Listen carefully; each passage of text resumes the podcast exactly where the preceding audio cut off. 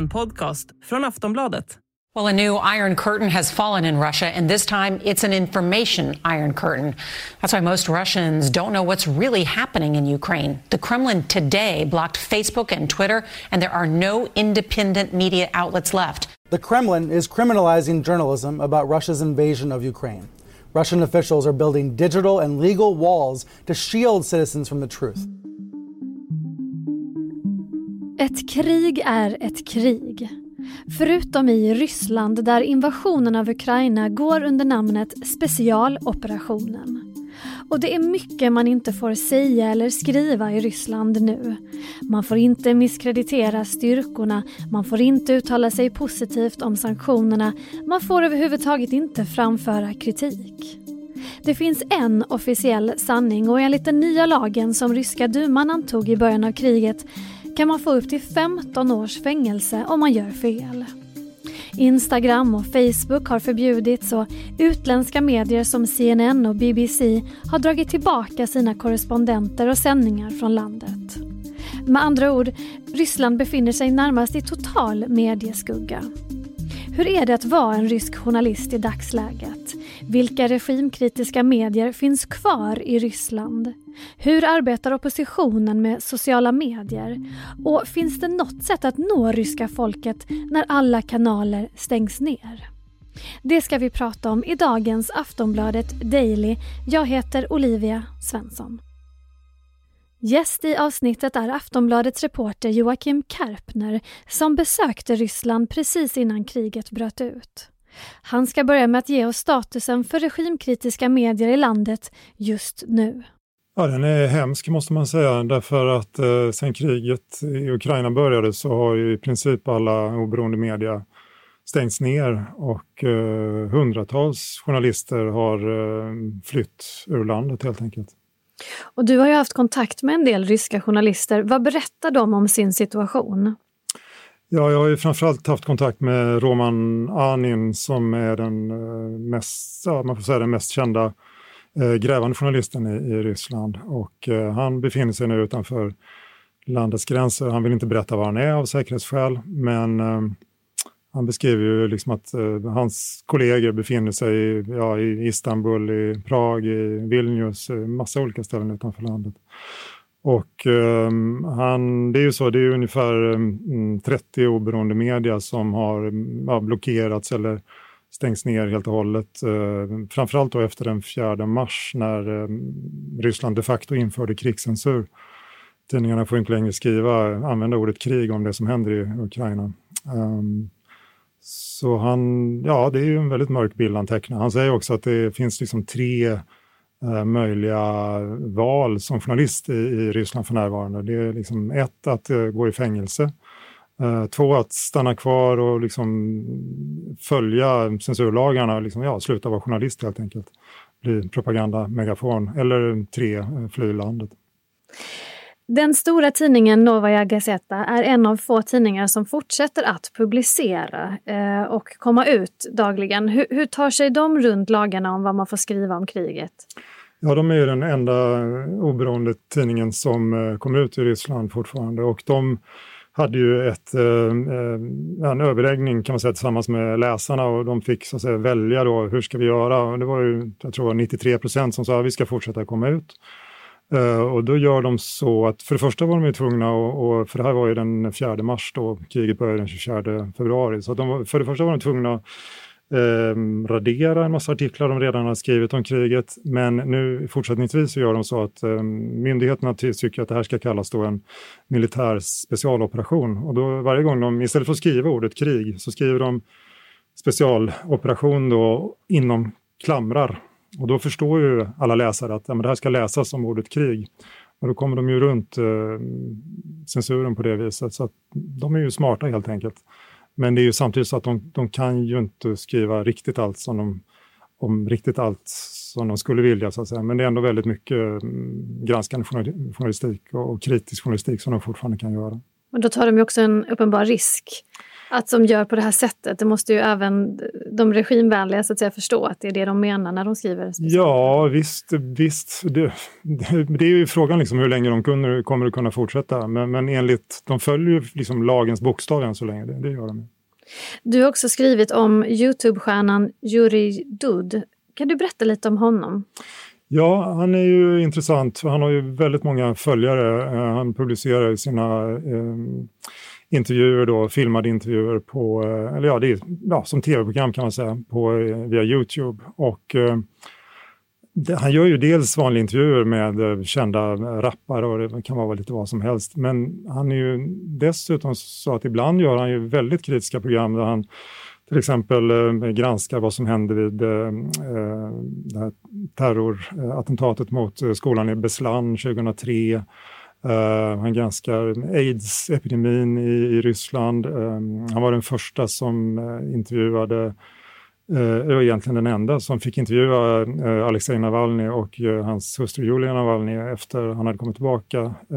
eller ja, det var inte, det var, ja, men efter att han hade, hade blivit förgiftad. Ehm, så han har gjort väldigt mycket kritisk journalistik um, och här, ganska nyligen nu också så Eh, I ett eh, Instagram-inlägg så var han ju extremt kritisk mot eh, kriget i Ukraina.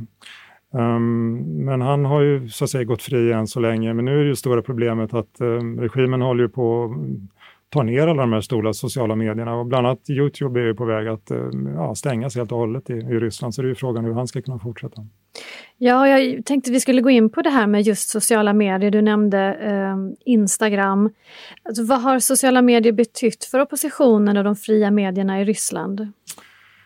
Uh, ja, jag är inte hundra på exakt. Liksom, jag vet ju det här med Juri Dud, hur det, att, han är, att det är viktigt för honom.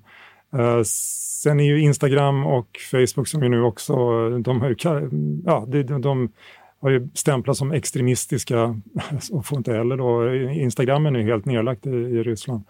Men där har det väl framförallt varit så att eh, det är liksom en kanal för eh, vanliga ryssar att de har, säljer sina varor via Instagram och Facebook. Men det är också så att till exempel ehm, eh, Alexej Navalny, han har ju en väldigt stort konto på Instagram och det kommer ju också bli stängas ner nu för de flesta ryssar.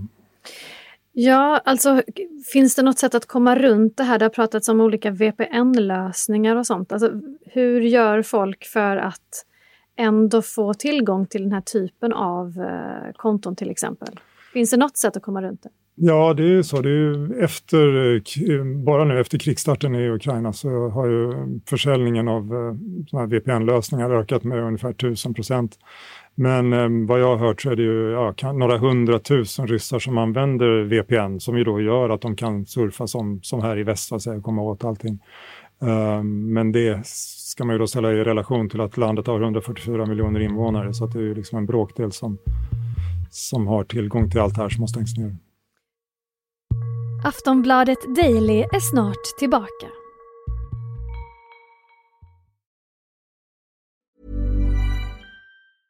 Cool fact a crocodile can't stick out its tongue. Also, you can get health insurance for a month or just under a year in some states. United Healthcare short term insurance plans, underwritten by Golden Rule Insurance Company, offer flexible, budget friendly coverage for you. Learn more at uh1.com.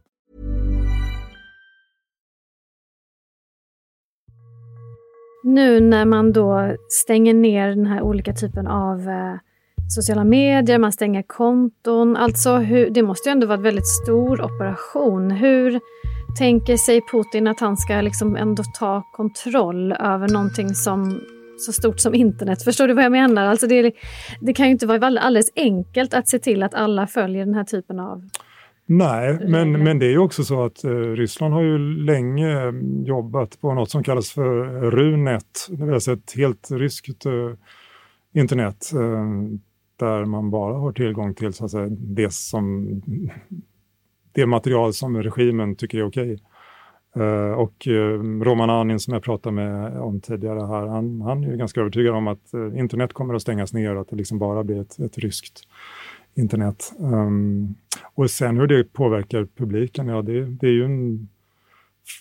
Det får man ju se. Um, men ehm, man kan ju också tänka att kriget i Ukraina är ju ändå en väldigt det är väldigt många som inte tycker om det, men samtidigt är det ju väldigt få, det är ju några tusen som demonstrerar på gatorna, därför att det är, det är ju så farligt nu för tiden att demonstrera. Det är ju, man eh, tänker, man, man vill behålla sitt jobb, man vill kunna eh, köpa mat och kläder till familjen. Ehm, så att det, redan nu är det ju tufft att, ehm, så att säga, överleva om man börjar demonstrera. Eh, och man kan ju tänka sig att repressionen blir ännu hårdare om, om de bestämmer sig för att stänga ner internet så kommer ju makten vara beredda på att det blir ännu mer protester och då är de säkert beredda på att slå ner dem också, så om det skulle bli det.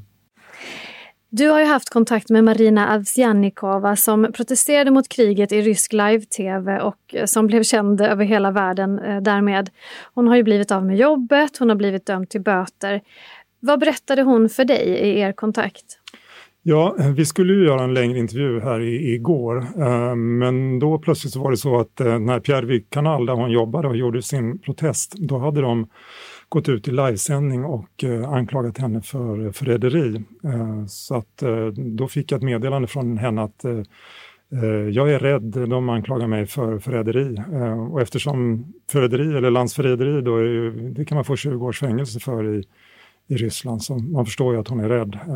Så att vi hade liksom en kort kontakt via Ehm, att vi skrev till varandra. Ehm, men eh, jag vet ju från andra tidningar eh, att eh, hon, hennes son till exempel har ju, var ju väldigt upprörd över hennes protest och menar att hon har förstört hela familjens liv. Så att det är ett stort steg hon har tagit och det är väldigt osäkert vad, vad som kommer hända med henne. Ehm, och det är ju liksom till exempel så när hon skulle hämta sin bil på redaktionen eh, när hon hade fått, blivit avskedad då, eh, då hade någon eh, släppt ut eh, luften ur alla fyra däcken. Så, där, så det är klart att hon är ju hatad av många nu. Så är det. Hur ser det annars ut med rysk tv? Alltså vad nås folk av för information där? Hur kontrolleras den? Ja, den är ju extremt eh, kontrollerad. Det är ju verkligen eh, ja, Orwell som man kommer att tänka på när man, om man tittar på, på rysk tv. Uh, det är ju, ja, där är det ju väst som är skurken och det som Ryssland gör i Ukraina det är liksom en, en fredsinsats. Uh, så att det är ju väldigt upp och nervända världen så att säga att titta på rysk tv. Samtidigt är det ju så att um, efter Marina Avsjannikovas uh, eh, protestaktion så är det ju faktiskt flera andra eh, personer inom de federala tv-kanalerna som har slutat jobba. De har blivit inspirerade av henne helt enkelt. Och, eh, hon har själv sagt i någon intervju att eh, hon tror bara att det är kanske ja, 2-3 procent av de som jobbar på de statliga tv-kanalerna som är eh, putinister, alltså övertygade Putin-anhängare. Och de andra gör det för att de behöver ett jobb och ja, kunna föda sin familj så att säga. Du som ju pratar ryska och har kontakt med eh, folk som bor i Ryssland. Nu när man tecknar den här bilden av ett mer och mer eh, instängt land förstås. Eh, vad säger de om, om eh, framtiden och vad tänker de att det här kommer att leda till för dem? Ja, jag har ju bland annat intervjuat en ung tjej, eh, helt anonymt, då, som, som bor i en rysk storstad. storstad och, eh, jag, jag, vet, jag frågade henne då, eh, vad tror du kommer hända? Eh, eh, liksom, vad, ja, vad, vad, ser du för framtid? Eh, och då menar hon att eh, ja, men, eh, enda sättet att, att liksom Putins tid ska ta slut, det, det är att han antingen att han blir att han blir skjuten av någon eller att han dör. Uh, så frågade jag också, kommer det bli demokrati i Ryssland? Nej, sa hon. Oavsett, så att det, inte ens om, efter Putins tid. Så att det, ja, det är en väldigt mörk bild. Tack så mycket Joakim Karpner. Tack. Sist här hörde vi Joakim Karpner, reporter på Aftonbladet. Jag heter Olivia Svensson och detta är Aftonbladet Daily, Sveriges största nyhetspodd. Tack för att du lyssnade. Hej då! Du har lyssnat på en podcast från Aftonbladet. Ansvarig utgivare är Lena K Samuelsson.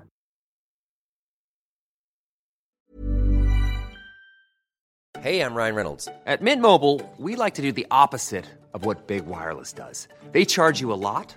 We charge you a little. So naturally, when they announced they'd be raising their prices due to inflation, we decided to deflate our prices due to not hating you.